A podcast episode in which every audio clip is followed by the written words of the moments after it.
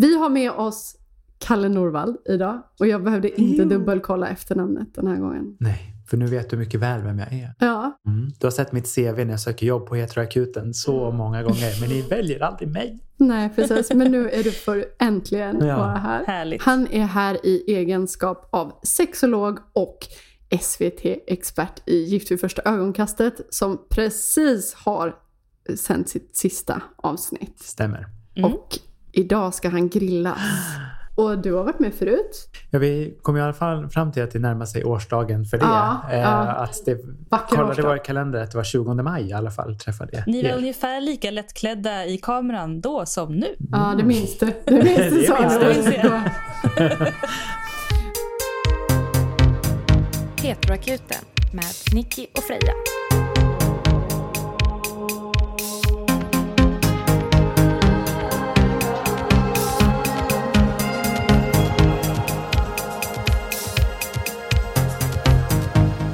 Jag tänkte också att du, Kalle, skulle få presentera vad vi är för podd.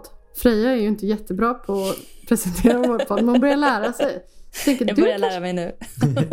Men jag tänker att jag kanske presenterar då utifrån ett lyssnarperspektiv. Ja. För jag har ändå varit mer som lyssnare än som eh, deltagare. Eh, nej men Heteroakuten är en excellent podd när det kommer till att ge relationstips till heterofiler utifrån ett lesbiskt perspektiv. Det går jättebra här redan. Ja. Eh, Den eh, drivs av två väldigt komp- eh, kompetenta Ja. människor som eh, ändå på väldigt goda grunder ger råd trots inga högskolepoäng på just det här temat när det kommer till relationsvetenskap på något sätt. Vilket ju tyder på viktig och värdefull livserfarenhet, tänker jag. Oj, Wow. vilken... Det här får vi nästan ha som intro. Varje playback, Varje playback. Så vad har jag gjort på snart nio år på universitetet? ja. Bortkastad Längtat efter oss! Vi har ju följt dig också Mm. faktiskt. Och Freja har Absolut. också sett denna säsong av Gift vid första ögonkastet. Ja, det har jag. Men Det har. Freja, det var den finaste komplimangen jag fått. Ja. Ja, och det är faktiskt mycket på grund av dig, Kalle. Fina Men du. jag fastnar ju direkt. Det Det måste blev jag säga. så? För förra Mm. gången så hade du ju inte sett det. Det hade jag inte. Jag ångrar nu, för jag satt ju... Vi pratade ju, det var att det bara låg ute några dagar till. Mm. Och så sa jag, det måste jag se. Och sen så när jag väl skulle göra det så hade det precis Ja, försvunnit. Så. Du ser. Men jag tror Synd. säsongen som är precis färdigsänd tror jag är tillgänglig till typ så här 5 oktober eller något sånt där i år. Så det är i alla fall ett, några Ah. månader man har på sig om man inte har hunnit. Gud, nu kände jag verkligen att det var rena rama killgissningen. Det är bra att börja det. Tänker, Vi är också jättebra på killgissa. Det är det vi gör. Ja, det är vad vi gör bäst. Och jag dricker en hemmagjord sessionöl med äpple. Åh, Gud vad trevligt. gött. Mm. Och jag har faktiskt eh, skördat gästen från en eh, kommersiell öl. Så att jag har sparat det sista i flaskan, skakat ur det och matat det tills det blev tillräckligt mycket att sätta en egen jäsning. Och här kan du sätta in Aladdin från Disney i en helt ny värld. Ja, Ja, Kalle, din blick var lite barn på julafton. Ja, men jag, Wow. tycker, jag älskar människor som har en sån här intresse där man verkligen bara ser att engagemanget kickar igång. Och man Nördighet. såg det, ja, älskar den. Ja, ja. Där, där sitter hon. Ja, där sitter hon.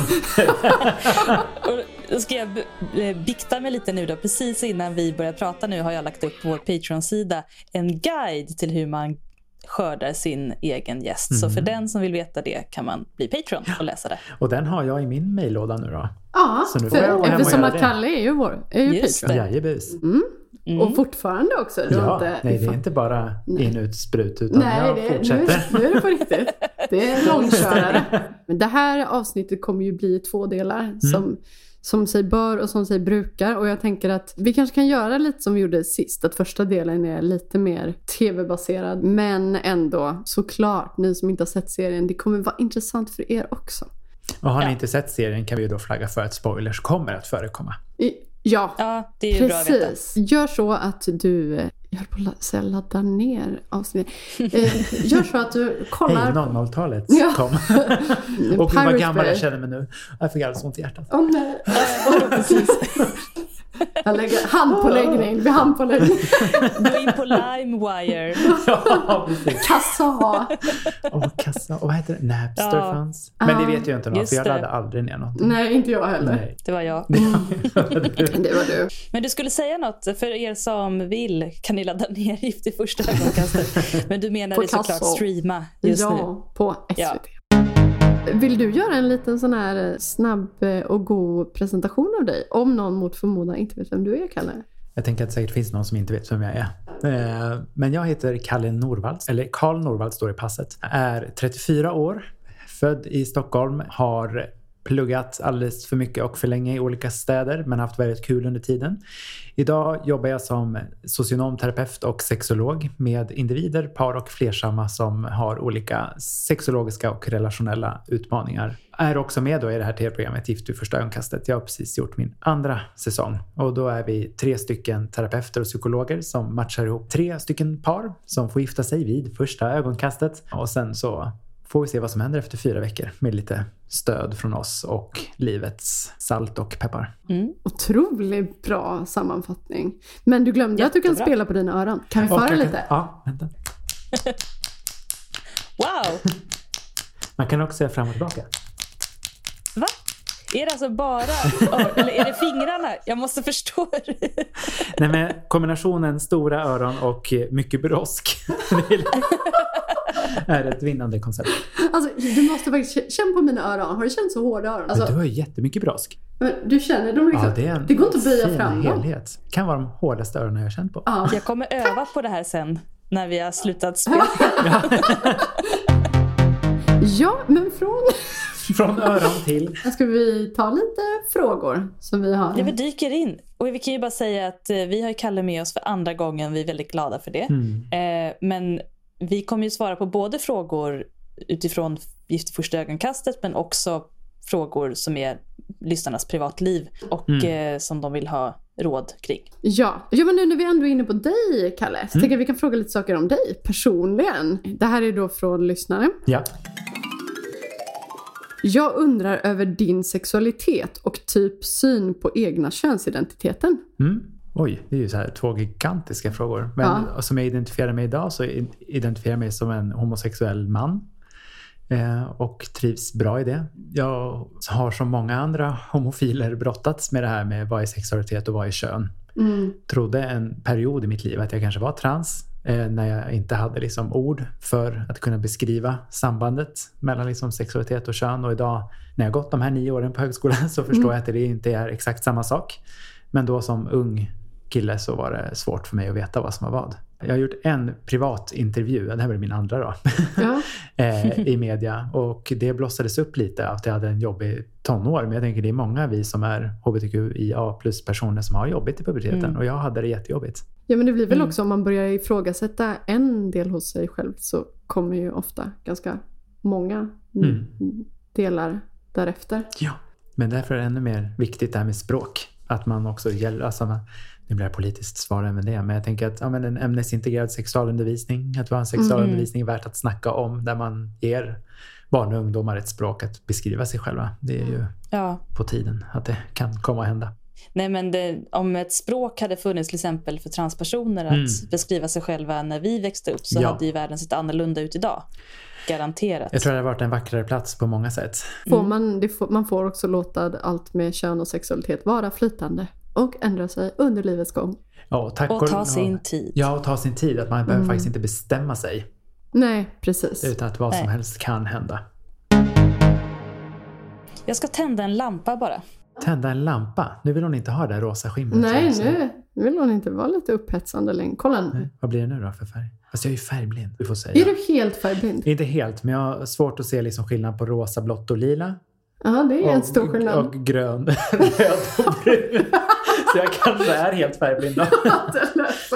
Jag brukar säga, när jag är bara lite färgblind och sen när jag säger alla färger så varje gång bara så här, fast jag kanske är helt färgblind då. Vad har du för, vad har du för färg på tröjan Nej, det vet du, det är värsta frågan man kan ställa. Nej, men jag vet att det är jeans, så jag tänker säkert Ja. blå, för jag har Den en är blå. jeansskjorta på mig. Den är faktiskt blå. Vad är det då? Det här är spännande. Mm. Jag tänker att den är röd, grön eller brun. Ja, det är helt sant. Ja, någon det, det är helt rätt. Färg är bara en social konstruktion. Ja. Men på tal om språk där också hörde jag att om man har eh, till exempel ord för att beskriva fler nyanser av en färg så kommer man också se fler nyanser av en färg. Absolut. Eh, så i ryskan till exempel har de ju väldigt många nyanser av blått som de har ord på. Mm. Och det innebär att man kan skilja mellan nyanser av blått väldigt tydligt, vilket vi inte gör. Vi Nej. säger ljusblått eller mörkblått bara. Precis. Nästa privata fråga kommer här. Eh, när kom du på att du var gay och hur var det för dig att komma ut? Jag har nog alltid vetat det. Alltså att jag tände sexuellt på andra män. Men hur jag fick veta ingen aning. Det var inte som att jag vaknade en dag och bara ding! Du kommer inte ihåg liksom vilken ålder du började tänka? Som jag började tänka på det. Ja, men Alltså mellanstadieåldern, där prepuberteten någonstans. Där jag liksom började förstå att jag inte var som alla andra. Mm. Mm. Jag var också väldigt utsatt för mobbing som ung, eller som barn. Som också även där liksom spädde på den här känslan av att inte liksom vara som alla andra. Eh, och sen blev det här också, så jag försökte ju ganska länge att ta bort det. Eh, och det vet vi ju att eh, conversion therapy funkar ju inte. Och det funkar inte heller när man gör det själv.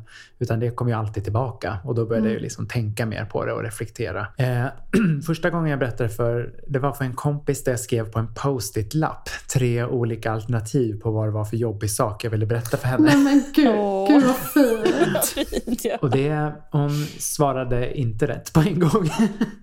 Nej. Vilket blev, hon trodde att jag hade liksom gjort min sexuella debut. Eh, Åh. och jag bara, nej. Kunde varit two in det one i och för sig. det. Ja, det hade absolut kunnat vara. Eh, men sen sa hon rätt. Och, hon, och just då när jag också berättade det som kom Destiny's Child med Survivor. Nej. På radio. Som en räddning från ovan. Ja, och så just då när Michelle i alla fall sjunger. Så Ja. darkness comes happiness eller något sånt där. Eh, Jag kommer Ja, inte ihåg. Men det, det, det här, ni kan bara klippa in det.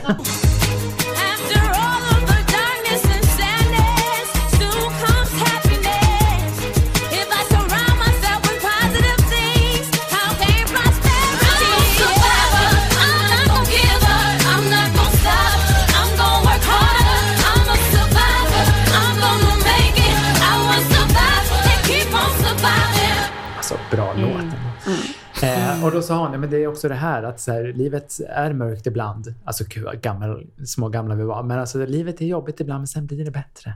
Mm. Men det var väl jättefint? Det var jättefint. Jag har nog bara haft någon enstaka som jag trodde var vän som sa adjö. Eh, och det har alltid varit heterokillar.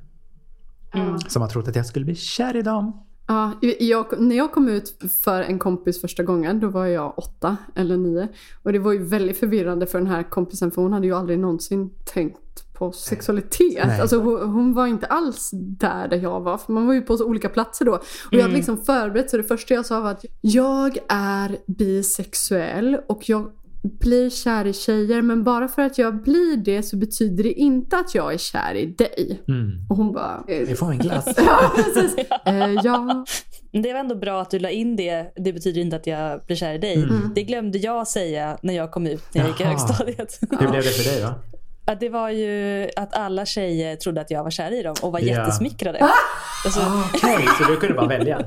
För de bara gick ja, med på smickret? Nej, mer att de var redo att ge en snäll, liksom, ett snällt Okej. nej. Ja, i alla fall ett snällt nej, det var ju fint. Ja, men jag var ju inte kär i någon av dem. Men det var lite som att i och med att jag inte var kär i någon av dem så blev de också lite kränkta. Så de började ställa frågor sådär, vems rumpa är snyggast? Är min snyggast? Är hennes snyggast? Och började liksom Det var så du fick upp din fascination för rumpor. I, Det blev också någon exotifiering av dig som liksom, Gud, ja. lesbisk kvinna. Då. absolut. Alltså generellt sett om vi kollar forskningsmässigt, inte bara Mm. mig utan jag tänker vi alla tre verkar ha samma vittnesmål, att man också behöver inta någon sån här undervisande roll, inte bara för Absolut. kompisar utan jag som också undervisar primärvård exempelvis.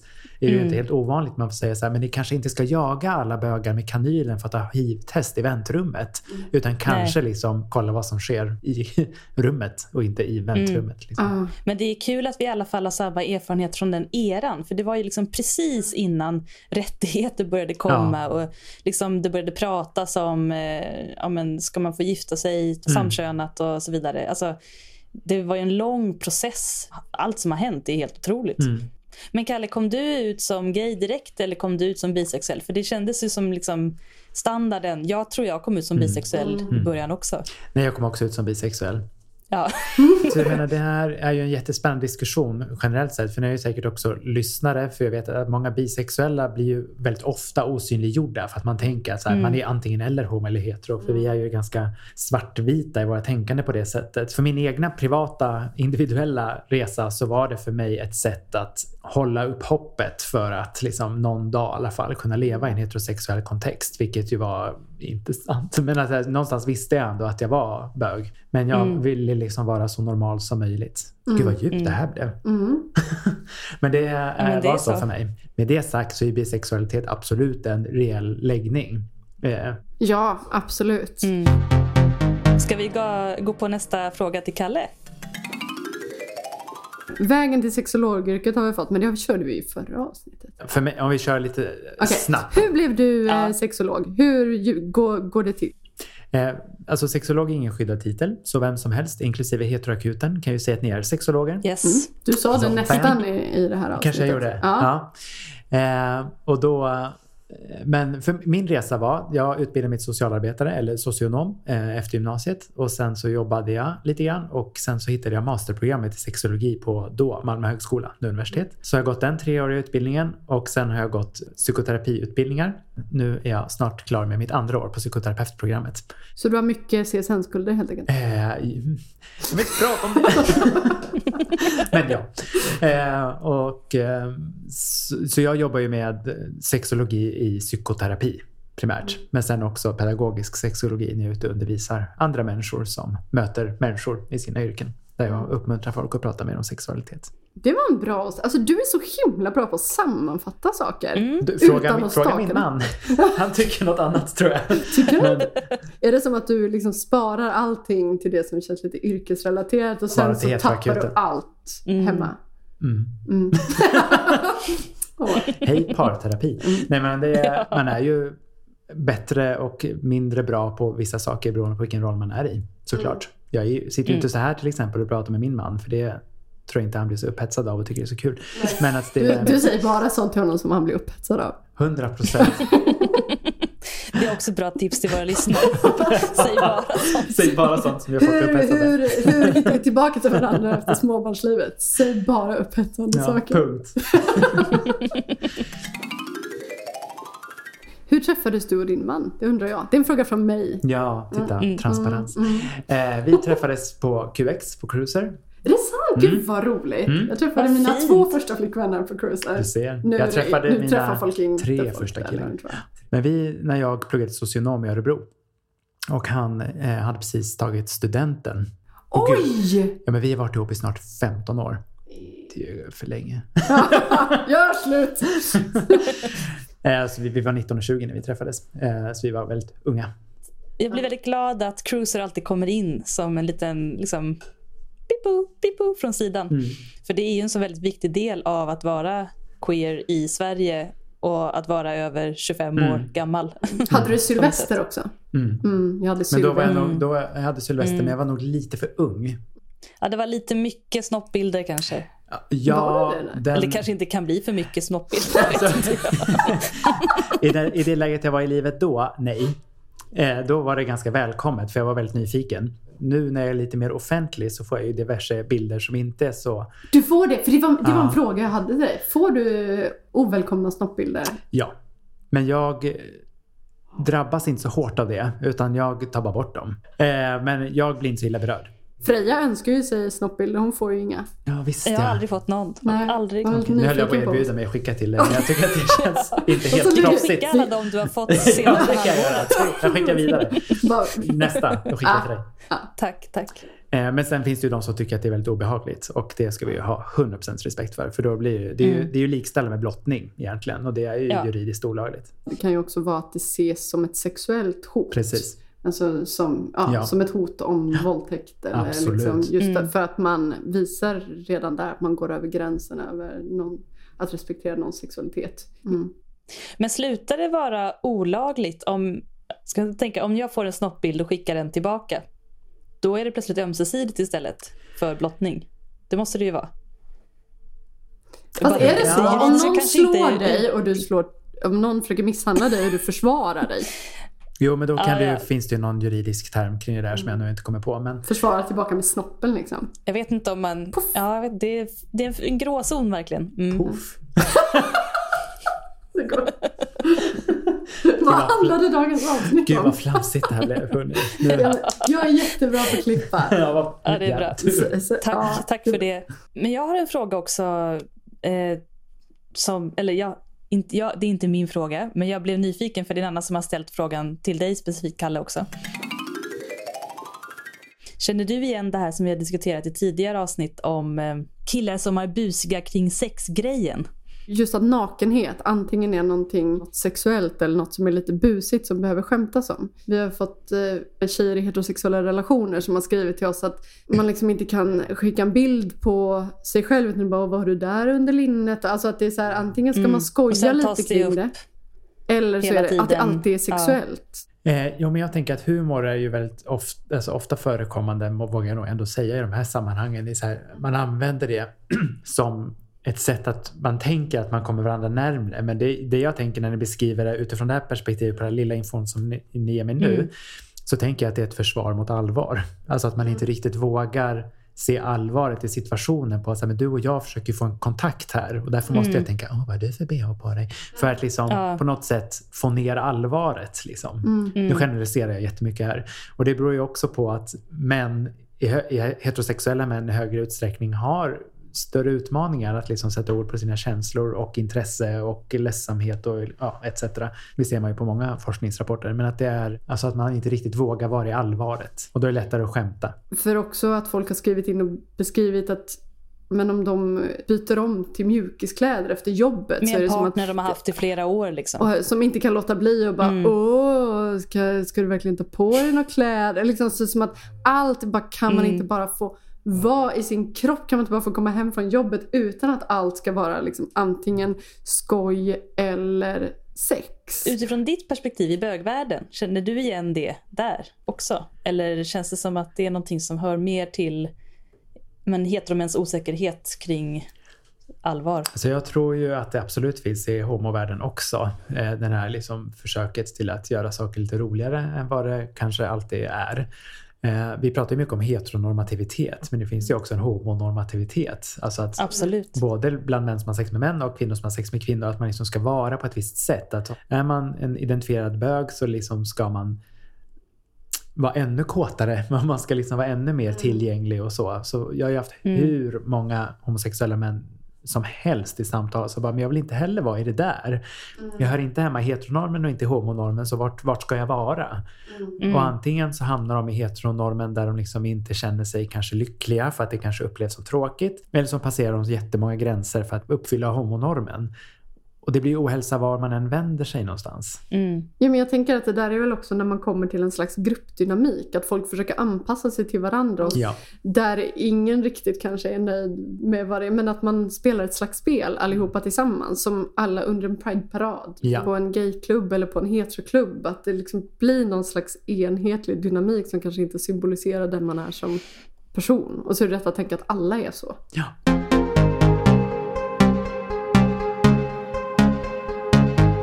Förlåt, nu kommer vi fråg- från Gift vid första ögonkastet Nej, vi hann aldrig ens börja.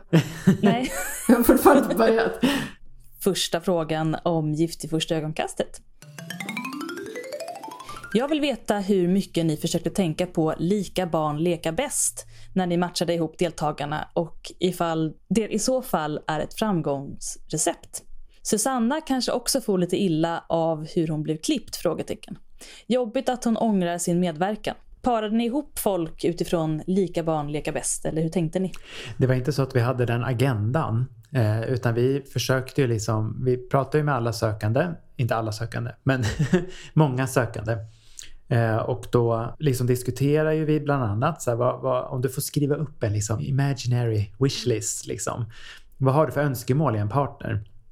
Och så berättar de det och så pratar vi om så okej man kan inte få allt man önskar hela tiden. Vad är liksom dina absoluta krav? Och var liksom en, en del på pluslistan. Och sen försökte vi så gott vi kan matcha ihop det men också det vi vet både enligt liksom klinisk erfarenhet från oss tre terapeuter men också vad forskning visar liksom funkar ihop. Eh, och i vissa avseenden är det ju absolut lika och lika som passar bäst. Eh, man har ju till exempel sett kopplat till forskning på attraktion att så här, bara man ser någon egenskap som man också själv identifierar sig med så ökar sannolikheten att man också finner en annan person attraktiv. Och det, vi försökte ju matcha på det. Alltså både vad de vill, vill ha men också vad de tänker sig att de vill ha. På tal om Susanna så sa ju både Susanna och Johan att vi har provat de här sakerna, nu vill vi prova någonting annat. Nu gick ju inte det så bra. Eh, och om frågan hur klippningen, om hur Susanna far illa eller inte i det så tänker jag som har träffat Susanna väldigt mycket då. Det är ju som med alla deltagare så är det ju väldigt många scener som inte syns. Eh, Susanna vill jag ändå verkligen sätta ner foten och säga är en fantastisk individ. Eh, så klippningen absolut har spelat en roll i hur hon porträtterats. Men samtidigt, det som visades hände ju. Och det var en del Mm. av henne. Men det är inte hela hon. Och det är det här som många verkar ha hängt upp sig på. Att man tänker att det är ett porträtt av hela Susanna. Det är det inte. Utan det är en del av henne i en väldigt utsatt situation. Och jag menar, det hade hänt oss alla om vi hade varit med. Det är ju samma sak med mig som är där och bara kommer in med vissa små klyschor eller tips och råd i vissa sammanhang. Det är en del av mig. Sen är jag en annan i andra sammanhang igen. Det är väl där som är problematiken också när det ändå är så pass få avsnitt som det är. Att för att man som tittare ska få någon slags grepp om personen så väljer ju teamet att vinkla det så att alltså, vissa tydliga karaktärsdrag kommer fram vilket då gör det väldigt mycket orättvisa. Tror du det hade tjänat på att ha fler avsnitt? Absolut. Men jag är också terapeut och vet att människan är komplex. Så jag tänker att det här Ja. skulle absolut kunna göras dubbelt så många avsnitt. Men jag förstår också den här frågan i början. Alltså, det känns som att matchningarna var lite annorlunda i år än de har varit tidigare. Att man kanske tidigare år har matchat utifrån vad experterna har känt är en utmanande situation där båda kan växa. Och att det ibland har funkat och ibland inte. Men nu kändes det från början som att Det var lite homogent. ja, men, ja, men det klickade liksom direkt så. Eh, men det kan ju också bara ha varit en slump. Alltså jag kan bara svara från min eget perspektiv och det pratade vi lite om när Nicky bjöd mig på den här väldigt vällagade och goda middagen här innan. Fryspizza. Det var det inte. eh, vad, vad pratar vi om? nu vill jag bara tänka tillbaka på maten. Eh, jag tappar bort totalt vad jag ville säga. Bara för att jag började tänka på middagen. Ja, det var dumt. Och ville dementera varenda rykte om att Nicky är dålig på att laga mat. Ja. ja, men vad sa du Freja? Du sa att det kändes som att... Att matchningarna i år kändes mer medvetna. Nu är jag med. Yes. Och då sa jag att jag kan bara svara från mitt egna perspektiv. Det här är min andra säsong. Eh, och jag har ju lärt mig jättemycket av alla deltagare. Vill jag, det må låta klyschigt, men alltså jag har inte lärt mig så mycket på de här två programinspelningarna någonsin tror jag. Eh, delvis av liksom människan, men också tv-produktion och den typen av psykologi som ändå utspelar sig där eh, i tv-produktion. Eh, men det som jag lärde mig mycket från min första säsong jämfört med min andra, det var att liksom inte riktigt ge mig. Eh, att vara lite mer envis i så här, men jag har ingen speciell typ när det kommer till sexuell attraktion. Ja, okej. Och om jag säger att jag inte tror på dig, det var inte så oförskämt kanske, men så här, jag pushade liksom lite mer. Eh, Så jag kände att min egna roll i matchningsprocessen var mycket mer kvalitativ nu, eller högre kvalitet i jämförelse med förra gången. Men jag tror att vi i år också la liksom upp förarbetet på ett annat sätt i jämförelse med året innan. För vi lär oss ju för varje säsong. Mm. Och något som vi tänker inte var bra, kanske andra tycker det var jättebra. Och det vi tänkte att det här kan vi få kritik på. Och så får vi inte nå- alls någon kritik på det. Så man, och vi vet ju liksom ingenting förrän det visas. Vi har ju inga spåkulor. Det har också varit ett skittråkigt program. Och vi bara, det här är 100% säkerhet. För det är, inte, det är inte därför folk kollar på Gift i första ögonkastet. Utan det Nej. är just för att vrida och vända på liksom relationernas Rubiks kub någonstans. Hade det varit så här, det här kommer att hålla. Alla sex kommer säga ja och de kommer vara gifta forever. Då hade ingen kollat. För det hade inte varit lika kul. Nu, nu har jag samtidigt kollat på, just för att jag inte fick nog av årets säsong, så kollade jag på USA-versionen. då. Den har inte Kalle Eh, sett. från... Den har inte jag sett. Nej, det har du inte. Men jag vet att den är mycket Gift- längre tid de är gifta innan de beslutar sig och det är Precis. flera avsnitt. Det vet jag. De är gifta i två månader innan de gör ett beslut. Har Ja. det diskuterats någon gång att ha en längre period i svenska? Inte när jag har varit med, men jag tänker att det är ju också Nej. en kostnadsfråga. Igen, det här ekonomiska Ja. perspektivet på tv-produktion. Det kostar ju mycket att ha en filmare med. Men jag tänker att då borde man väl ändå Mm. tjäna mer på att göra lite fler avsnitt även om man inte gör längre tid. Alltså det känns som att rent Det är ett av mina ekonomiskt... önskemål till nästa säsong. Ja. Absolut. Bra att höra. Ja. Ja, men... Och nu avslöjar jag också att jag kommer vara med nästa säsong. Men det får jag ändå säga. eh, Susanna sa att hon ångrade sin medverkan. Mm. Eh, vilket ju är jättesorgligt liksom. Eller jobbigt för henne tänker jag. Fruktansvärt. Eh, men får deltagarna någon slags erbjudande om tera- terapi eller någon slags hjälp i Mm. efterhand? Vissa i tidigare säsonger har ju mått fruktansvärt Mm. dåligt. Och, Jo, men alltså eftervården, eller vad man nu Ja. ska kalla det för, av Mm. deltagarna, den förbättras för varje år, vill jag ändå säga. Mm. Eh, från första säsongen så var det ju ingenting. Eh, som jag har förstått det, då var jag ju då som sagt inte med och det här, jag kommer inte ens ihåg vilket år det var, men det var det väl då för sju år sedan. mm. Ja. Eh, då var det ju inget reglerat som jag har förstått det. Eh, sen har det liksom blivit förbättring på förbättring på förbättring utifrån vad deltagarna själva har rapporterat. Eh, jag, men eh, nu absolut får de stöd ifall de säger det. Eh, jag och flera av mina kollegor, vad jag vet i alla fall, hör ju av oss till deltagarna för att kolla läget. Mm. Eh, och vissa får man ju bättre kontakt med andra. Mm, Eh, så jag menar, jag, Emil och Maxine, vi gjorde i och för sig också en efterserie, så vi hade ju liksom av en självklarhet också mer kontakt efteråt, så de Mm. kunde jag ju följa. Men jag menar, jag och Elina från förra säsongen har också haft kontakt. Eh, inte regelbundet kanske, men då och då. Eh, och kolla läget och sen också prata lite andra saker. Och nu från årets säsong så har jag haft regelbunden kontakt med Susanna, men också med Anton och Sofia. Mm. Mm. Och inte så här för att de mår pangdåligt utan mer så här, och det kan också vara mitt egna behov att liksom kolla Ja. läget så eh, mer om. Mm. Men Susanna har ju absolut inte mått toppen. Eh, och det är ju ingen hemlis. Hon har ju gett den här intervjuerna och hon sa ju det också i Vad hände sen? Att hon Mm. ångrar sitt deltagande. Samtidigt har hon ju sagt både till mig och till kameran att hon har ju lärt sig oerhört mycket. Mm. Men att priset var för högt. Så jag får ju själv också se mina klipp innan det sänds. Mm. Eh, men man får ju, och det, får jag, det har jag liksom vad heter det, förhandlat mig in mitt kontrakt. Att jag vill se vad det är som, sänd, oj, vad det är som sänds Ja, ut. Eh, Men sen vet man ju som sagt inte hur det kommer tas emot. Eh, alltså det har ju vissa saker som jag, om vi tar mig som exempel, som jag har sagt som folk har liksom tagit ur sitt sammanhang och sen applicerat till något annat som får det se ut som jag har sagt något helt annat. Och Mm. det vet man ju inte. Alltså något som jag har sett och så bara, men gud, det här var ju smart jag är. Och sen så sänds det och så reagerar folk jättenegativt på det. Mm. För du minns vad du sa eller vad det handlade Ja, om? i vilket sammanhang ja, det var. precis. Eh, men Mm. så tas det emot på ett annat sätt och det kan vi aldrig veta. Men det är också Nej. det som jag tycker är lite spännande också, en anledning varför jag sagt ja till att vara med, är ju att det här är så otroligt viktiga teman som inte diskuteras så ofta. Och jag menar, gör det på bästa sändningstid på public service-tv. Pang bra. Mm. Mm. Men det får liksom inte vara på bekostnad på deltagarna. Och det är därför jag skrev Nej. det här inlägget på Instagram som blev jätteuppmärksammat av både liksom produktionen men också av media. Av att så här, nu får ni skärpa er. Alltså till Mm. folk som tittar som var så fruktansvärt elaka mot deltagarna. Jag, jag håller, förlåt att jag avbryter, men jag håller verkligen med dig på Du den... håller inte med mig. Jag, hå- jo, jag håller med dig, men jag tänker att anledningen att folk reagerar så starkt är ju också hur hårt vinklat det antagligen är. Så jag tänker Mm. att det är också, den kritiken måste ju egentligen gå upp till Ja. produktionen. Och det var det jag skrev. Ja. Att så här, kritisera, alltså deltagarna är där som privatpersoner, de söker efter kärlek. Kritisera oss tre terapeuter för matchningarna. Absolut, för vi är där i Mm. våra professioner. Kritisera produktionsbolaget hur de har klippt. Men vi vet, vi som bara tittar, vi har ju ingen aning om... Alltså jag tänker att vi, man, man- kan ju tänka sig, men jag tänker Ja. att många tänker ju inte så långt. Nej, men det var därför jag Ja. skrev som jag skrev. Mm, Eh, mm, och sen så mm. blev det tack och lov spritt, så folk har ju börjat diskutera och förstått att Mm. så här, det här är ju fyra veckors med liksom x antal timmar. Okej. Och bara mina synkar, alltså när jag sitter framför kameran, typ som Freja gör nu, det är ungefär så där vi sitter ju.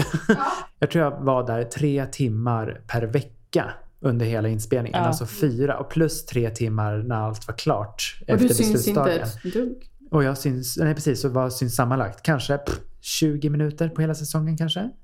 Men jag tänker det som vi alltid jobbar mot, att folk ska ha fördomar. Liksom. Man utgår bara från det man ser. Mm. Det ser man ju också utanför tv-världen. Men här blev det så Mm. otroligt konkret. Att här, efter 45 Mm. minuter så tänker jag att man känner exakt vem Lars Mm, är. mm, mm. Eh, och så liksom tänker man allting om Lars. Ja, men Vi har sett då eh, Lars i kombination med Elinori också bara x antal minuter på det här programmet. Ja. Att man är så otroligt rapp i att döma och liksom fördöma många gånger. Och det hör ju saken till. Det är därför också det här är ett framgångsrikt program.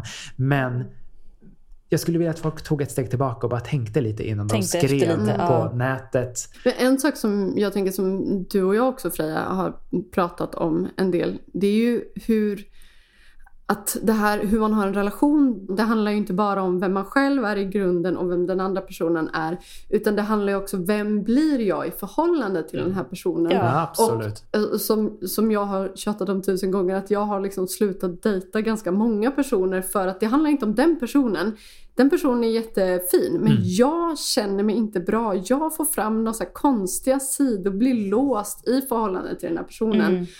Och det blir för mycket jobb kring bara att börja jobba på mig själv istället för att liksom ha kul i den här relationen för att det ska kännas värt det. Och jag tänker att hur till exempel Susanna blev i förhållande till Johan i den här relationen kan ju Mm. också handla om ja, men just det här låsta läget. Hon låste sig, han låste sig och så ska han försöka komma ur det på fyra veckor med kamerateam som Precis. hänger över huvudet på en. Det är ju... Det är alltså en bra måttstock för att vara eller inte vara i relation. Okej, men blir jag en bättre eller en sämre person i den här relationen? Eh, Verkligen. Mår jag bättre eller mår jag sämre också? Både det blir gud, och... ja. Ja. Hade folk sett mig i vissa av mina tidigare relationer och bara bedömt mig på det så tror jag inte att jag hade varit en omtyckt person. nej. Nej. Alltså det gäller ju oss flesta tror jag. Ja, Och det absolut. kan ju 100%. vara annat än kärleksrelationer. Vissa vänner tar fram det sämsta i en, Ja. vissa familjemedlemmar. Alltså, man vill inte ha en sån bild bara ensidigt i en relation projicerad ut. nej. Det är väldigt smalt, verkligen. Nej, men och när man har den här liksom tryggheten i en relation. Jag har haft samma... nu- Gud, nu känns det som att jag sitter och skryter om att jag har långa relationer. Men min, bä, min bästa vän och jag, vi har varit bästisar sedan vi var sju år. Och jag menar, hon Mm. är ändå en person, hon har sett mig på mitt absolut värsta och mitt absolut bästa. Men då har vi liksom jobbat för att få en trygghet också i det. Och det kan man ju tycka också är liksom, talar för att ha en längre programserie är ju att liksom få deltagarna att vrida igen på den här relationernas Rubiks kub. Jag tycker det är en så bra metafor för alltihopa. Att så vrida och vända och säga okej men det här funkar inte. För att om du och jag Freja till exempel skulle bli matchade ihop, det här var också en dålig matchning eftersom du är flata och jag är bög. Men, att hade, Men ändå, ni har båda hade glasögon varit- faktiskt. Det är sant. Och vi kanske gillar tacos.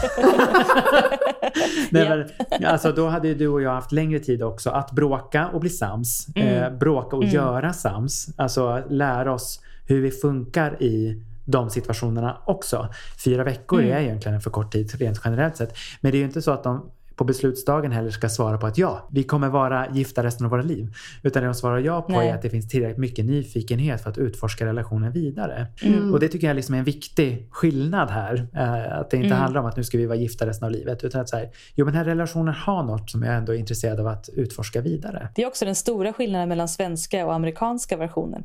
För där säger de verkligen ja för livet känns det som. Alltså att de Okej. har den inställningen på ett annat sätt än Jag vad måste svenska deltagarna har. jag. Ja, det måste finns. Det den? är helt... Finns det på Napster?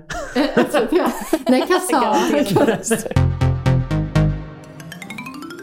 Jag skulle vilja höra dig resonera kring matchningarna och politiska åsikter. Kommer ni att se annorlunda på det efter årets säsong? Jag gissar att en som Susanna kanske i castingen svarade att partipolitik inte är viktigt för henne, men hade hon fått frågan om specifik feminism är en dealbreaker så kanske svaret hade varit ett annat? Frågetecken. Eh, vi frågar ju dealbreakers och vi, det här är också ett spännande exempel. Som när vi pratar om grundvärderingar och människosyn så svarar de väldigt lika i castingmomentet. Det var ju det som gjorde att jag vågade säga det också i parterapin som sändes på TV.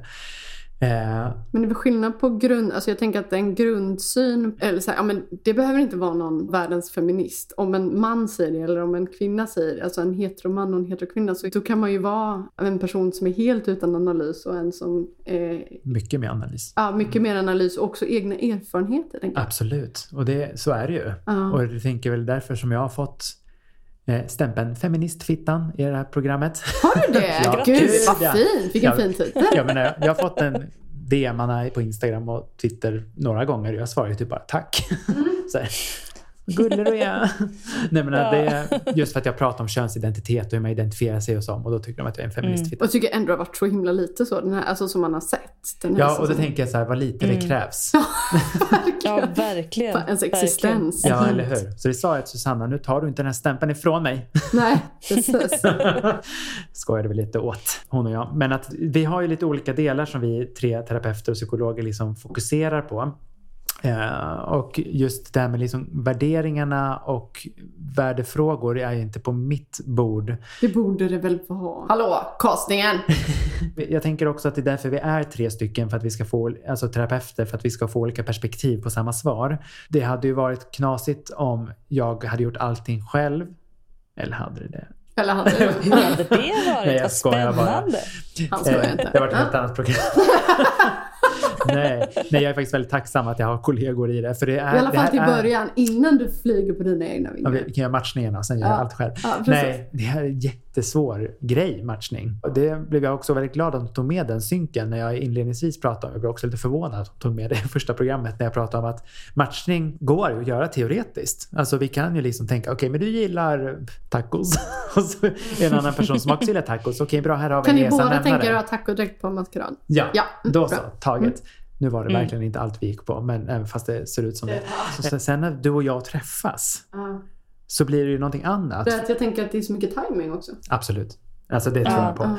Men sen Mm. är det ju, all, det vill jag verkligen säga, att alla deltagare, de två som jag har varit med, de är där för att liksom hitta en partner. De är inte där för att, åh nu ska jag få vara med på TV. Mm. Sen är det klart att det är en dragningskraft i det också. Det har ju Maxine till exempel inte gjort någon hemlighet att hon tycker om att vara med på TV. Eh, men att det är inte liksom det primära orsaken. Det är nog därför också jag blir så illa berörd av de här kommentarerna på deltag- mot deltagarna också. För de är inte där för att vara med på TV i huvudsak. Vad känns det för dig som ni förbättrade från den första Mm. säsongen du var med i fram till den senaste? Den största förändringen? Ja, men delvis att vi träffade alla deltagare när vi hade gjort matchningarna så träffade vi dem flera gånger innan själva vigseln ägde rum. Det tror jag var en jättebra grej för att liksom jobba rent förberedelsemässigt på det äventyr man ändå liksom är på väg in och vara med i. Eh, men också för att liksom dämpa lite ångesten. För jag menar, jag som ändå gifte mig med en person som jag hade känt ett ganska bra tag innan var ju också ångestfylld och nervös inför att gifta sig. För det är ändå en ganska stor grej oavsett Och vad då man hade ni tycker ändå om träffats några juridiken. gånger innan. Många gånger. eh, och här är liksom en grej till, precis som du säger. Man ska också göra det här framför kameror och närmare liksom en miljon Ja. tittare. Och första reaktioner är något Ja, som alla kommer den se. Liksom. jag skulle- det är är därför typ du inte min- söker. Ja men alltså jag har ju inget pokerface. Om jag hade blivit besviken hade det synts sju mils Ja, avstånd. Det hade varit bra TV däremot. Ja det hade det absolut varit. Kul. Antingen ping eller buh. Men förväntar man sig liksom världens snyggaste person? Vem är det vi snackar om nu som är världens snyggaste? Mm, Heath Ledger, han är död. Men eh, ändå. Om vi tar Heath Ledger, han är Ja, en ganska sexsymbolisk Mm. grej. Om man förväntar sig en Heath Ledger så får man en, jag vet inte, Justin Bieber. Ja. Fast folk tycker snygg också. Otroligt. Eh. Som är ändå en ganska stor skillnad då, tänker jag.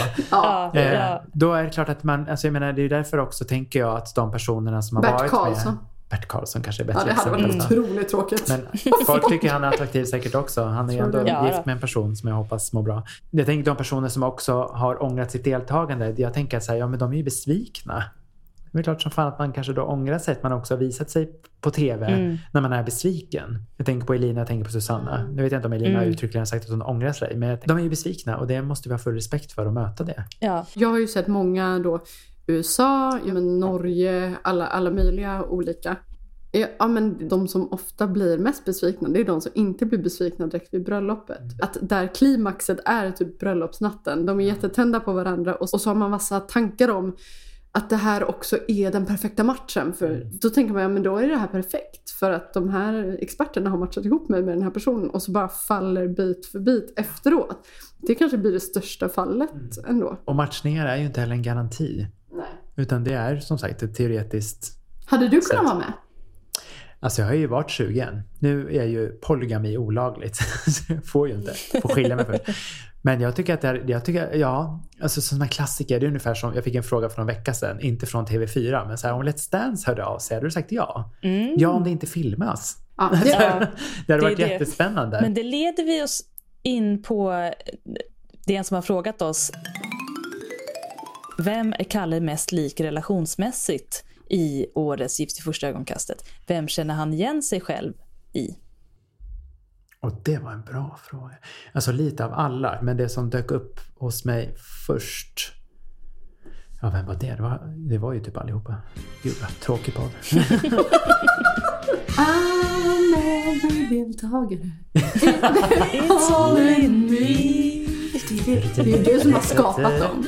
Men jag ser mig lite själv i, liksom, i Sofia, i hennes drift, i hennes studier och liksom viljan att vara den bästa lärare i hennes fall. Men jag ville bli den bästa sexologen. Hon är ju jätteambitiös i sina Det framgår inte i programmet, men jag vet ju det som har träffat henne.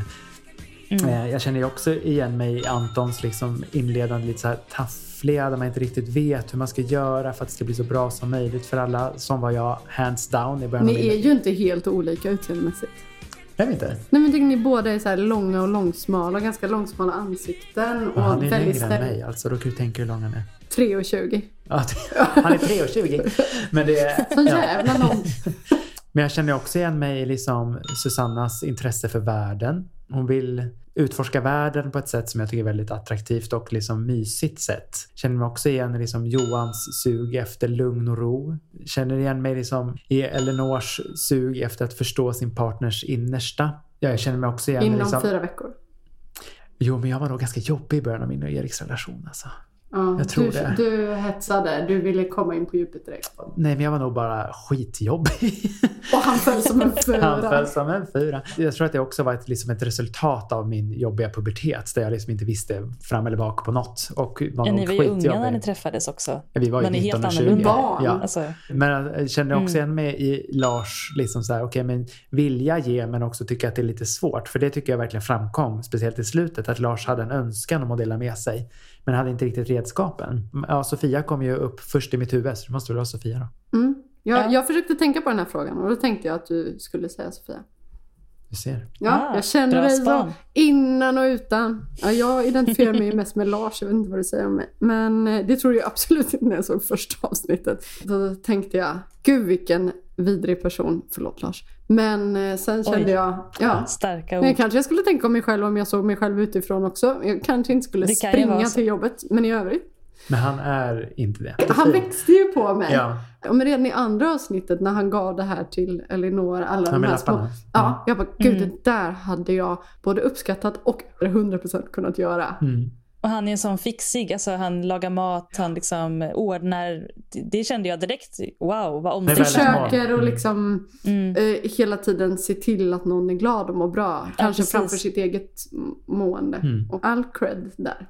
Verkligen. Och ser glad ut hela tiden fastän han kanske inte är glad hela tiden kan jag också identifiera mig med. Väldigt mycket. Mm. Så nu tar du tillbaka att han är vidrig? Ja sa ju det. Bra, jag, gör sa det att det var min första, ja, men det var ju, ja men jag sa ju förlåt till det, honom. Ja men det var min första... det var min första det får jag ändå säga om mig själv. Jag är ganska bra på att ha ett rätt svartvitt första intryck av någon. Mm. Men att sen vara helt öppen för att Ja. Ändra det det totalt. Mm. Ja, herregud. Man sitter ju bara framför en TV och har lite åsikter. Sen så... Och matas. Sen om- och sen går man in på nätet och skriver lite hat. Till personen Det också. är det som jag tycker är så sjukt. Alltså, när man sitter och tittar så kan man ju prata med sin kompis eller sin partner eller vem man nu tittar med. Ja. Eller prata efteråt med vänner. Men att faktiskt gå in och liksom Mm. söka upp någon och skriva liksom hotfulla saker. Ja. Jag förstår inte. Vad det, ja. det var en fråga, det här blev jag jätteintresserad av Mm. när jag läste. Vill gärna veta mer om deltagarnas kontrakt. Till exempel, kan de säga nej vid altaret? Eller har de förbundit sig att säga ja? Kan de hoppa av när som helst? Jag är inte jätteinsatt i deras kontrakt. Det är ju en del av produktionsbolagets ansvar. Men jag menar, Mm. Elae förra året hoppade jag av. Hon avbröt sitt deltagande efter, vad var det, två och en halv vecka tror jag. Och hon fick ju inte böta. Men det är klart, alltså vi pratar ju löpande i att vi vill ju deltagarna så väl som möjligt. Så om de skulle liksom Mm. må jättedåligt, alltså på en nivå som, alltså vi har ju löpande kontakt med dem, så vi har ju ändå liksom koll på hur de mår. Svårt att se att man skulle så här, tvinga någon. Delvis har vi ju inte tvångsäktenskap i Sverige. Det är ju Nej. högst olagligt. eh, sen är det ju en etisk grej också hur länge man ska hålla kvar Ja. i någon. Och Jo, vi är men ju väldigt lyfter vi stöd. då? Ingen aning. Jag vet faktiskt inte. Det vore ju jättekonstigt om de inte får säga nej. Ja. Gud, det här måste jag kolla på onsdag. Undrar om man hade tagit med det då i programmet? Eller om man bara hade klippt bort det och sagt "Det- nu har vi bara två deltagare eller två par. Jo, men det vet jag att det blev en diskussion när LA valde att avbryta. Då blev det ju av logiska skäl mer av Elina och Albin och Emil och Maxine. Men men det känns som att Mm. sånt har blivit lite mer fritt alltså i dating-tv överlag. Alltså jag som har följt Bonde söker fru since Bonde birth i alla fall. Eh, har det ju blivit väldigt mycket mer, ja men det är folk som har hoppat av under tiden. Och varit så, nej men jag attraheras inte av någon av de här deltagarna. Det blev inte som jag tänkte mig. Och då tar man bort den personen så följer man de andra mer istället. Medan det i tidigare säsonger verkligen har varit Tvång. Ja men det har känts mycket Mm. mer så och att det är mycket mer strikta regler. I början när det var någon som bara, nej men gud jag ja, men fick någon annan idé. Nej men den där sökande som inte ville vara med på TV, jag är mer intresserad av henne. Att det liksom blev mer kris. Medan att de nu har ändrat konceptet lite till som att allt kan hända. Att, att, liksom Ja. att man mer tar in det i att det, det Mm. faktiskt kan få vara okej att det blev på det här sättet. Men jag tänker att vi måste vara ödmjuka i det. Eh, Och det syns ju inte förstås inte i tv-rutan, men vi måste ju också erkänna när det blivit fel. Och jag menar, det, Mm. annars är vi ju extremt oproffsiga och det också blir oetiskt. Och med Susanna och Johan, ja det blev fel. Ja, men det lär vi oss igen. Alltså okej, vi borde ha kollat de här områdena mycket mer. En lyssnare skriver, jag undrar hur du hanterar om slash när experterna tycker olika. Får de göra det i programmet? Hur hanterar du det personligen? Känns ju som att vissa, inom parentes typ Fredrik, har väldigt mycket fattigare analyser, inom parentes om ens några, om till exempel genus än vad du har. Eh, Jag säger det. Ja. Punkt. Nej men Vad alltså vi, vi tycker ju olika. Eh, Jag och Satte Mm. har också tyckt olika om saker. Eh, Och Satte och Fredrik också tyckt olika om saker. Alltså vi, det är därför vi är fler. Det är för att få till den här dynamiken. Eh, Mm. Och jag är ju skolad i, alltså jag har ju gått mina psykoterapiutbildningar mycket mer i nutid i förhållande till mina kollegor som gör att min är mer präglad av liksom moderna tiden. Inte nödvändigtvis att de behöver liksom vara från stenåldern men det är ju ändå liksom några år emellan. Eh, och att jag också har jättemycket nytta av min sexologiutbildning som ju är otroligt liksom normedveten, att man jobbar med socialkonstruktivismen och så här, hur, hur konstrueras saker liksom, eh, på en samhällsstruktur som mina kollegor kanske inte har. Men det är också därför de har anställt mig. Det kanske speglar min egen upplevelse att ibland kan kännas att jag får bära den rocken e- på egen hand. Och det är För du är en feministkvitta. För att jag är en feministfitta. Mm. Det står broderat på min genusrock. Det är ett svårt jobb, men eh, det behöver inte innebära att det inte går. Jag menar, jag har ju fortfarande min lilla Maxine och Emil Brosch på mig inom citationstecken. Så de är mina bebisar. Ja.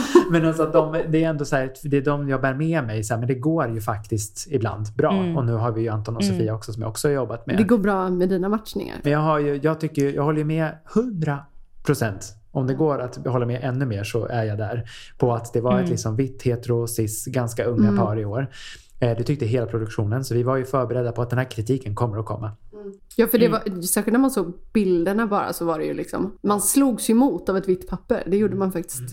Ja, Eh, men det är väldigt absolut. åldersmässigt också. Nu visste jag ju redan hur allt hade gått och sådär. Men många var såhär, ja man kommer aldrig kunna se skillnad på dem. Men nu när ni har sett programmet så tänker jag mig ändå att ni ser Mm. ju att det här är ju sex otroligt olika individer. Ja, Eh, ja. Men vid första anblick när man såg liksom blommiga klänningar och blåa skjortor så är det Ja. klart att det Ja. blev en annan respons på det. Alltså det är många som pratar om vi skulle, skulle se ett liksom homosexuellt manligt par. Nej, men jag vill ju se liksom ett flatpar. För det, jag tänker att det är också en kärleksrelation som inte syns så mycket i populärkulturen generellt sett. Mm. Nej. Och gör det det så är det liksom på en manlig blick på ett sätt som kanske inte är helt fräsch alla gånger. Men också att ja, det vore ju kul alltså. Men då, Mm. eftersom att vi har ett så himla bra lyssnarspektrum av olika typer av que- queera personer och, men även eh, hetero-killar som har en bra analys Ja, till exempel. Eller en, Sök. ja, så om man då vill söka, det går det fortfarande att söka? Det går fortfarande att söka. Eh, medverka.svt.se Medverka.svt.se Jättebra. Så om man önskar en förändring så kan man vara förändringen själv. Och hur länge kan man söka? Om man nu Mm. vill fundera på det ett tag. Hur länge, hur länge har man på sig att söka till nästa års säsong? Där Kalle då kommer vara med. Jag vet faktiskt inte, men jag tänker att det är ett tag kvar. Det vet jag. Mm. Mina castingkollegor har ju redan börjat möta folk vet jag. Mm. Eh, Men jag ska ju som sagt hoppas in i processen nu på onsdag. Så om man vill söka så sök gärna. Eh, För ni kommer ju inte bli matchade om de inte tänker att det kommer bli en bra match. Nej, och vi kan ju Nej. bara matcha på de som söker. Vi har ju inte hela Sverige i katalogen utan vi har ju de som aktivt söker. Jo, och, och sen så kan vi också då säga att om man söker som vår lyssnare och kommer med, då är man garanterad en plats som gäst i Och jag kan programmet. ju då säga att kan de Mm. inte också då få garanterade rim? Alltså jo! Jo. Ja. jo. Ni, kan få, ni får allt. Ni får merch, ni får bonusavsnitt, ni får allt. Bara ni är med. Ja, ja, ja. Ni behöver bara Och bara vara ni med. söker. Om ni säger att ni har sökt så kan ni få ett rim. Ja! Om ni skickar en Ja. printscreen på att ni har sökt, då får ni ett Mm. rim. Precis. Men det är en naturlig övergång till våra Patreon-rim. Ja, nu är det ju så att vi har tre nya Patreons. Är det sant? Ja, vi har lyssnare som inte alls är förtjusta i alla barnhistorier. Men här har vi en lyssnare som är med oss, nämligen Kalle Norvald då, som inte bara är vår gäst och Sveriges bästa sexolog, han är också en älskare av alla barnhistorier. Så nu kommer du få höra dem i Jag blev ju realtid. Patreon typ bara för att få mina rim. Och nu, Ja, och nu blev det också det lite sexualupplysningar som jag fick lära mig att man skulle runka i nallar. Ja! Så jag tycker det... Måste bara skaffa en nalle. Glöm termosen, nio. Precis. Fick du bilder nu Nicky? Då välkomnar vi, och jag tror inte hon blir ledsen att vi säger det här, vår ölentusiast Det är Matilda. vi väldigt glada för, Matilda.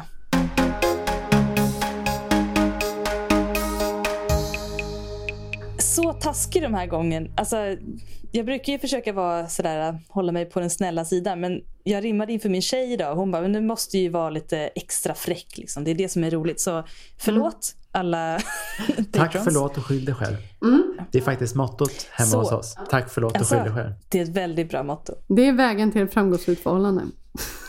Jag tror. Tack för att du är här. Förlåt för allt jag har gjort. Skyll dig själv, du har valt mig. Lite sång, lite dans, lite naket. Ja, dröm. Alla barnen var lyckliga hemma, utom Matilda. För hennes föräldrar var skilda. Det är bara taskigt mot alla som har skilda föräldrar. Också Men skilsmässa är inte per automatik alltid något dåligt. eh, nej, Nej. men i Frejas värld. Ja. Ja, Min perfekta förstår. Ja. Alla barnen tittade rakt fram, utom Matilda. För precis som fisken var hennes ögon kraftigt åtskilda.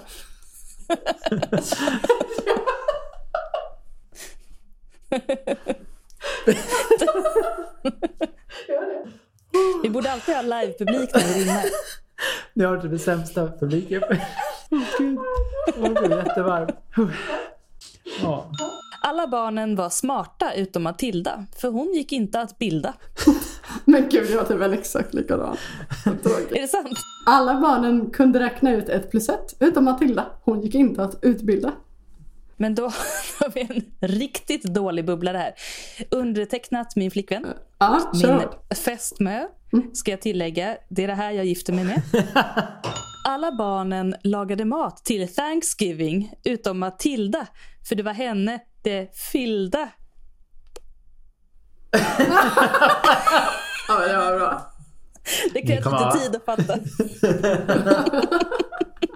Eh, vill du köra någon volley på den? Nej, Matilda? jag- Nej. Kommer aldrig kunna knäcka Nej. ögonen tror jag. Eh, Då välkomnar vi vår nästa Patreon, Liv. det gör vi.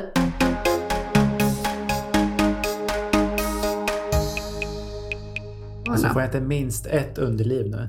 Mm, nej, faktiskt inte.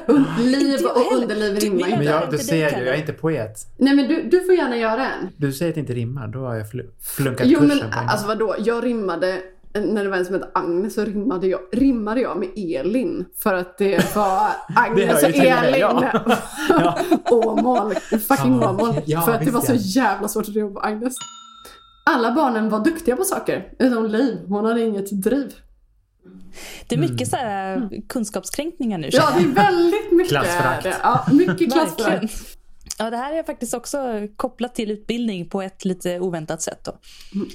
Alla barnen sprang i panik ut från skolan, utom Liv, för det var hon som hade en kniv. Kniv alltså! Oh. Mm. Ja. Ja. Okej. APK. Alla barnen hade snygga tatueringar utom Liv, för hon hade en tribalsliv.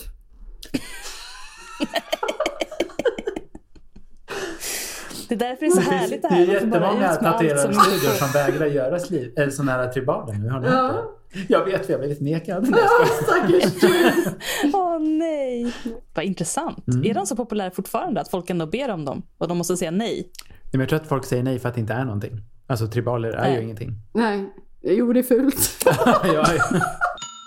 Alla barnen kunde ta ett skämt utom Liv för hon var alltför sensitiv.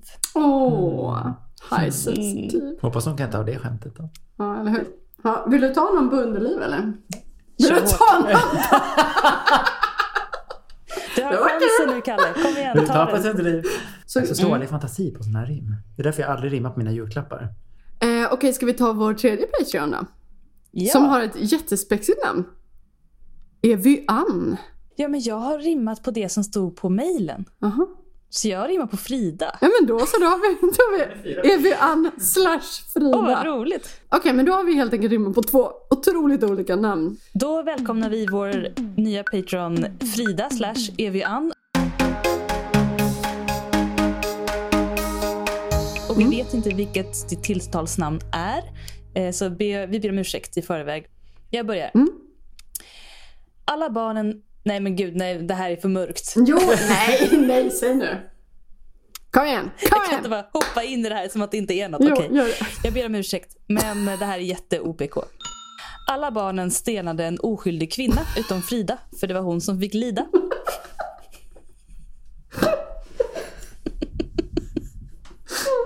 Nej, det är inte okej. Det är inte okej. Nej.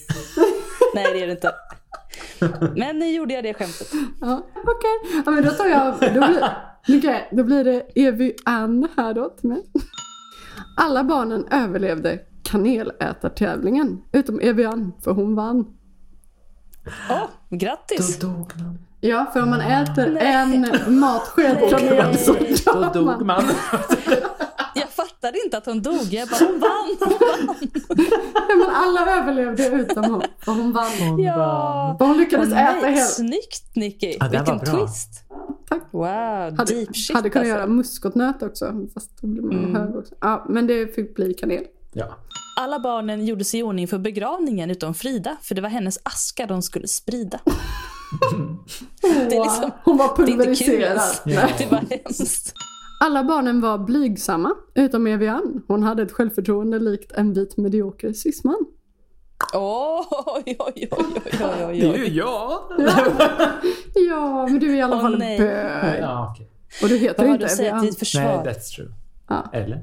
Eller- Men tack till er. Det var jättekul att ni var så många. Välkomna till Patrons-gänget hörni. Det Mm. är fantastiskt. Då Ja. är ni också patienter tillsammans med en riktigt Medioker cisman. en medioker cisman. Vi Tack, förlåt tack och skyll. förlåt. Tack för Och skyll er själva. Mm. Den här tycker jag är intressant. De här är ganska lika, men jag läser båda två. Ja. Ehm, den ena är, i amerikanska versionen är de ju halvt besatta av att berätta om paren har fullbordat sina äktenskap, alltså haft sex. Frågar de svenska experterna deltagarna detta rakt ut? Ibland kommer det ju upp, men inte alltid. Och sen en till fråga som är, tycker Kalle att det är viktigt för paren att faktiskt ligga med varandra innan de säger ja till att fortsätta vara gifta? Tänker på Iris Mm. och Keith i senaste amerikanska säsongen om hur det var för dem. Hur var det för dem? Eh, Iris var oskuld. Vilket Visste hon jag. pratade om i hela Ja, programmet. visst ja. Men jag har ju hört ett avsnitt där ni pratar om just detta. Visst tjatade Ah. hon om sin liksom Ja men det är det enda. icke-debuterande länge? Ja, ja, ja. Mm. Ja. Jag är så ren. Det här är en gåva, Hon men hade- det blev inte riktigt som hon hade tänkt sig. Han blev inte så glad som man hoppades. Så frågan är, frågar någon av oss experter eller terapeuter rakt ut om de har legat? Mm.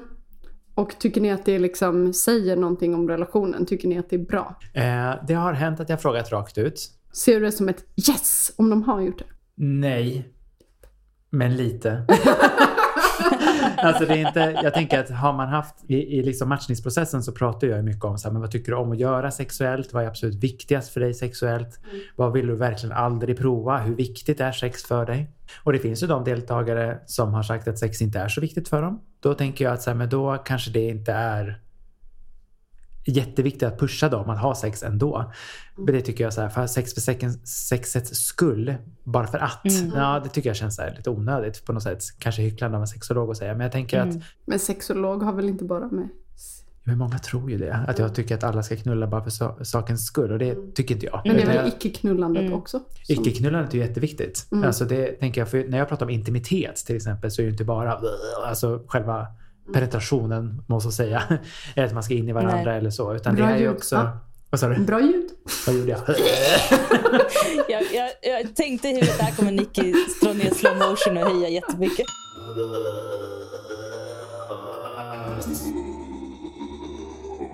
Ja. Precis, det är så en bög liksom porträtterar heterosexuell sex. Nej men alltså det. Gud, kan inte podda mer på allvarlig ton. Flams, flams, flams, flams. Eh, Men jag kan tänka mig då att om de har velat och om båda är nöjda med det så är man ju såklart woho, jättebra. Absolut, men... det finns ju också att lära sig om när det inte blir bra. Eh, sen är det ju så Mm. att vi, om vi jämför liksom Sverige och USA, så är ju USA mycket mer sexfixerat i jämförelse med Sverige. För att man Mm. liksom värdesätter sexualiteten som, i en tvåsamhet i alla fall, som någonting väldigt vackert. Alltså något som man upphöjer relationen. I Sverige har vi inte samma typ av tradition på så sätt. Eh, men det är klart att när men som med Emil och Maxine så hade vi ett helt avsnitt av äktenskapet till exempel där vi pratade om att göra sex som ett sätt att liksom skapa intimitet och närhet. För dem var det ju så. Och det har ju hänt liksom att jag har ställt frågan och de sa så här, jag vill inte prata om det på kamera. Mm. Eh, och det tycker jag att vi ska ha full respekt för. Och det är också en av anledningarna varför inte det har visats så mycket på kamera. Och det var det som hände sista avsnittet den här säsongen när Anton sa okej, men jag bjuder på det här och prata om sin prestationsångest kopplat till sex. Det var väldigt fint tycker jag. För det hade ju han och jag haft samtal kring liksom bortom kameran. Jag tänker igen på de här snubbarna som vi pratade snubbarna. snubbarna som vi pratade om förut. De här som liksom använder humor som ett sätt liksom hela tiden. Bara, "Åh, ska du klä på dig det där? Alltså det tänker jag Ja. Det behöver ju inte betyda att man är så erfaren bara för det. Nej, Vilket det, jag, tvärtom. ja, men jag tänker att det visar också en osäkerhet någonstans. Mm. Eh, om jag får liksom tolka det beteendet ni beskriver. Eh, Mm. Och jag tänker ju att det är ju förstås också ett lidande i det. Eh, inte liksom Ja. kanske så otroligt medvetet. Eh, men det är också någonting som vi män lär oss. Att vi liksom ska på något sätt se sex som något skul, eh, skul. Eh, något kul, skojsigt och liksom lustfyllt per automatik. Men sex är också Mm. ganska svårt ibland. Och då är det ju lätt att gå till humor. Eller det är det jag tror att många irriterar sig på. Att när sex blir någonting man bara skämtar om eller har. Ja, Man får inte prata om det. Man får inte diskutera det så mycket. Det ska bara vara kul. Ja. Och det får heller inte riktigt vara och det, djupt och allvarligt. Liksom. Och det är en sån otrolig rävsax vi liksom håller upp för oss själva. Att det bara ska ske naturligt. Att man ska bara bli spontankåt och så ska man bara knulla mot diskbänken. Men det funkar inte. Alltså då kan man behöva vänta ganska länge. Om inte liksom en hel relation på flera år ibland. Liksom bara man väntar på att spontana kåtheten ska komma. Menar, sexuell lust är ju en grej som vi måste liksom hålla aktivt igång och diskutera. Och då, ganska många i mitt terapirum som säger så här, men det blir inte så kul och spontant om vi sätter ord på det. Mm. Eller om vi planerar in i Eller kalendern. om vi planerar in det. Nej, men då kan ni också få vänta ett tag. Hör av er när ni har väntat färdigt. Alltså det behövs också en aktivitet för att få igång det. Och det är Anton ett svinbra exempel på. Där han sa, liksom, för bara de här orden han använde så lossar ju vissa saker hos honom. Där han liksom vågade ta för sig på ett annat sätt. Så han är ett guldexempel. Alltså på tal om det sista avsnittet och på tal om Anton. Jag har aldrig blivit så glad som när han moonade. Kan vi prata om det? Jag visste jag inte om att det inte det. skedde så jag blev liksom blev helt paff när jag helt plötsligt en stjärt i tv. Men, ja. Skojigt med Och sex. så det lilla Skojigt med sex. Jag ska säga vad som hände i ögonblicket. Jag satt precis och sträckte mig efter någonting på bordet. Varpå min flickvän då hoppade till och skrek. Jag bara, vad är det som hände? Och då såg jag bara att någon gick in i toaletten. Då tänkte jag att de hade råkat filma någon som var naken. Och hon bara, vi måste gå tillbaka, vi måste gå tillbaka. Och då såg vi, ja, då fick jag se att han didit, väldigt snabb liten mooning. Han måste ju ha fått godkänna det, tänker jag. Ja. Det kan ju inte bara Ja. ha klippts in. Nej, alltså alla Ja. deltagare får se alla scener. Precis som jag får se alla mina synkar och de parsamtal jag har så får Mm. de se allt och godkänna. Eh, och det, det är också det Susanna har reagerat på att här, jag kanske borde ha gjort någonting annat med den informationen som hon fick då. Eh, och det är ju någonting som vi behöver diskutera i produktionen Mm. sen. Hur ska vi liksom göra det här på så bra sätt som möjligt för deltagarna? Men jag Anton har ju sett det och godkänt som jag har förstått överenskommelsen. Det var ju det ja. som gjorde mig så himla glad. För jag förstod, jag tänkte så här, han måste ha godkänt det här. Och han gjorde det. Mm. att han ändå bjöd på det. Jag bara, respekt. Ja. Respekt till Anton. Men jag tänker att det finns ju de som kanske använder humor som ett försvar för, att, för allvaret. Men de som är bara i Mm. allvaret behöver ju lite humor för att göra det inte så allvarligt. Så det, båda de här Exakt. ingredienserna Björn. Rosenström.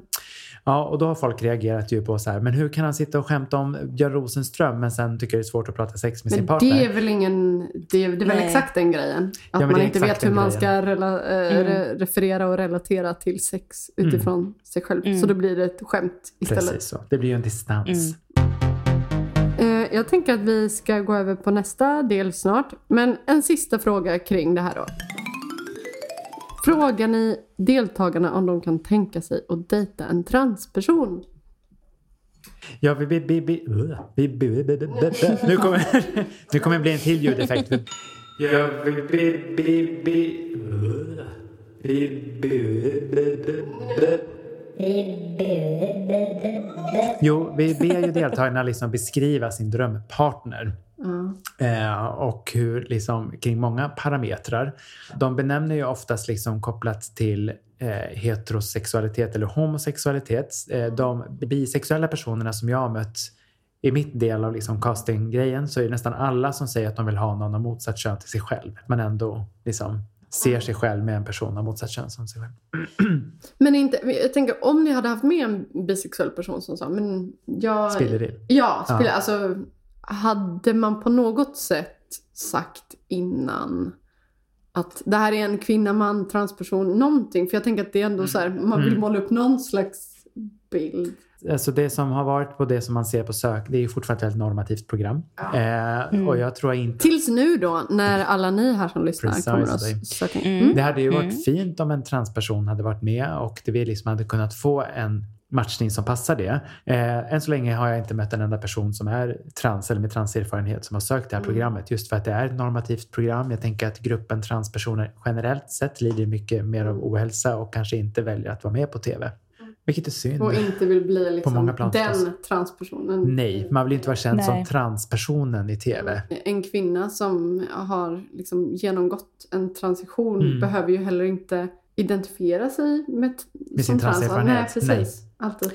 Nej, vi frågar ju inte varje person om de har transerfarenhet. Nej, men däremot kan det ju komma lite om det kommer en, en kvinna med transerfarenhet som söker en man och Ja. mannen vill ha barn. Då kan det ju bli en mer problematik Ja, men när på det det har varit sättet. liksom Men- särskilda saker ifall folk har haft liksom så eh, livslånga sjukdomar till Mm. exempel som liksom inte påverkar deras vardag. Nu är, det, nu är inte transsexualism en sjukdom på det avseendet. Ja, men när det har varit vissa saker av tillstånd i kroppen eller psyket som liksom så här, det här kommer inte gå över eller, och det kommer Mm. inte heller påverka just nu. Men på lång sikt kan det vara att det händer något och man kanske har någon långvarig sjukdom av något slag. Alltså, att, ja, om 30 år så kanske det blir den här konsekvensen. Man har MS eller liksom. Till exempel. Då har vi liksom delvis förstås pratat med personen i fråga som då kanske har haft MS då, eller någonting annat och frågat så här, okej, men hur tänker du att vi ska behandla den här frågan? Vad vill du? Och när det har hänt så har de flesta sagt så här, nej men jag, antingen så här, jag bryr mig inte, gör vad ni vill med den informationen. Mm. Eller, jag vill inte att ni säger någonting alls. Då måste vi förstås ta en diskussion, okej. Men kan du sätta dig in i liksom den här framtida eventuella matchningens situation, Mm. att få reda på den informationen och liksom jobba med mentaliseringen Mm. i det. Det är ganska svårt att ha i ett tv-program om man ska hålla mm, Ja, med saker hemligt. ja, men mycket historik Ja. hemligt Ja, på det nej, sättet. det är så jobbar vi inte. Utan då har vi ju jobbat med det vi har. Mm. Och det har Mm. gått bra alla gånger. Mm. Mm. Men som med det sagt så är ju transpersoner väldigt välkomna att söka till Absolut. programmet som lyssnar här. Mm. Ja. Jag tänker också att det är viktigt att säga att det, det förstår man ju själv såklart. Men det är ju en utsatt situation att vara i. Jag förstår verkligen att man är osäker inför att söka oavsett. Vi vill gärna ha personer som ändå är som så här relativt trygga i sig själva. Mm. Sen går det ju inte att vara 100% trygg jämt, för vi funkar inte så. Nej. Och man kan också tro att man är trygg i sig själv och sen så när man hamnar i ett sånt sammanhang som vi då har sett. Precis. Så kanske man inte var Ja. lika trygg. för Man kanske var trygg i de frågor man har fått om sig Ja. själv. Och sen så kommer det nya frågor. Ja, men det är en ny situation, så det är Ja. inte så konstigt. Det här var första delen av avsnitt 41 av Heteroakuten med gästen Kalle Norvald. Om en vecka släpps del nummer två och då kommer vi fokusera mer på era personliga frågor. Vi ses om en vecka!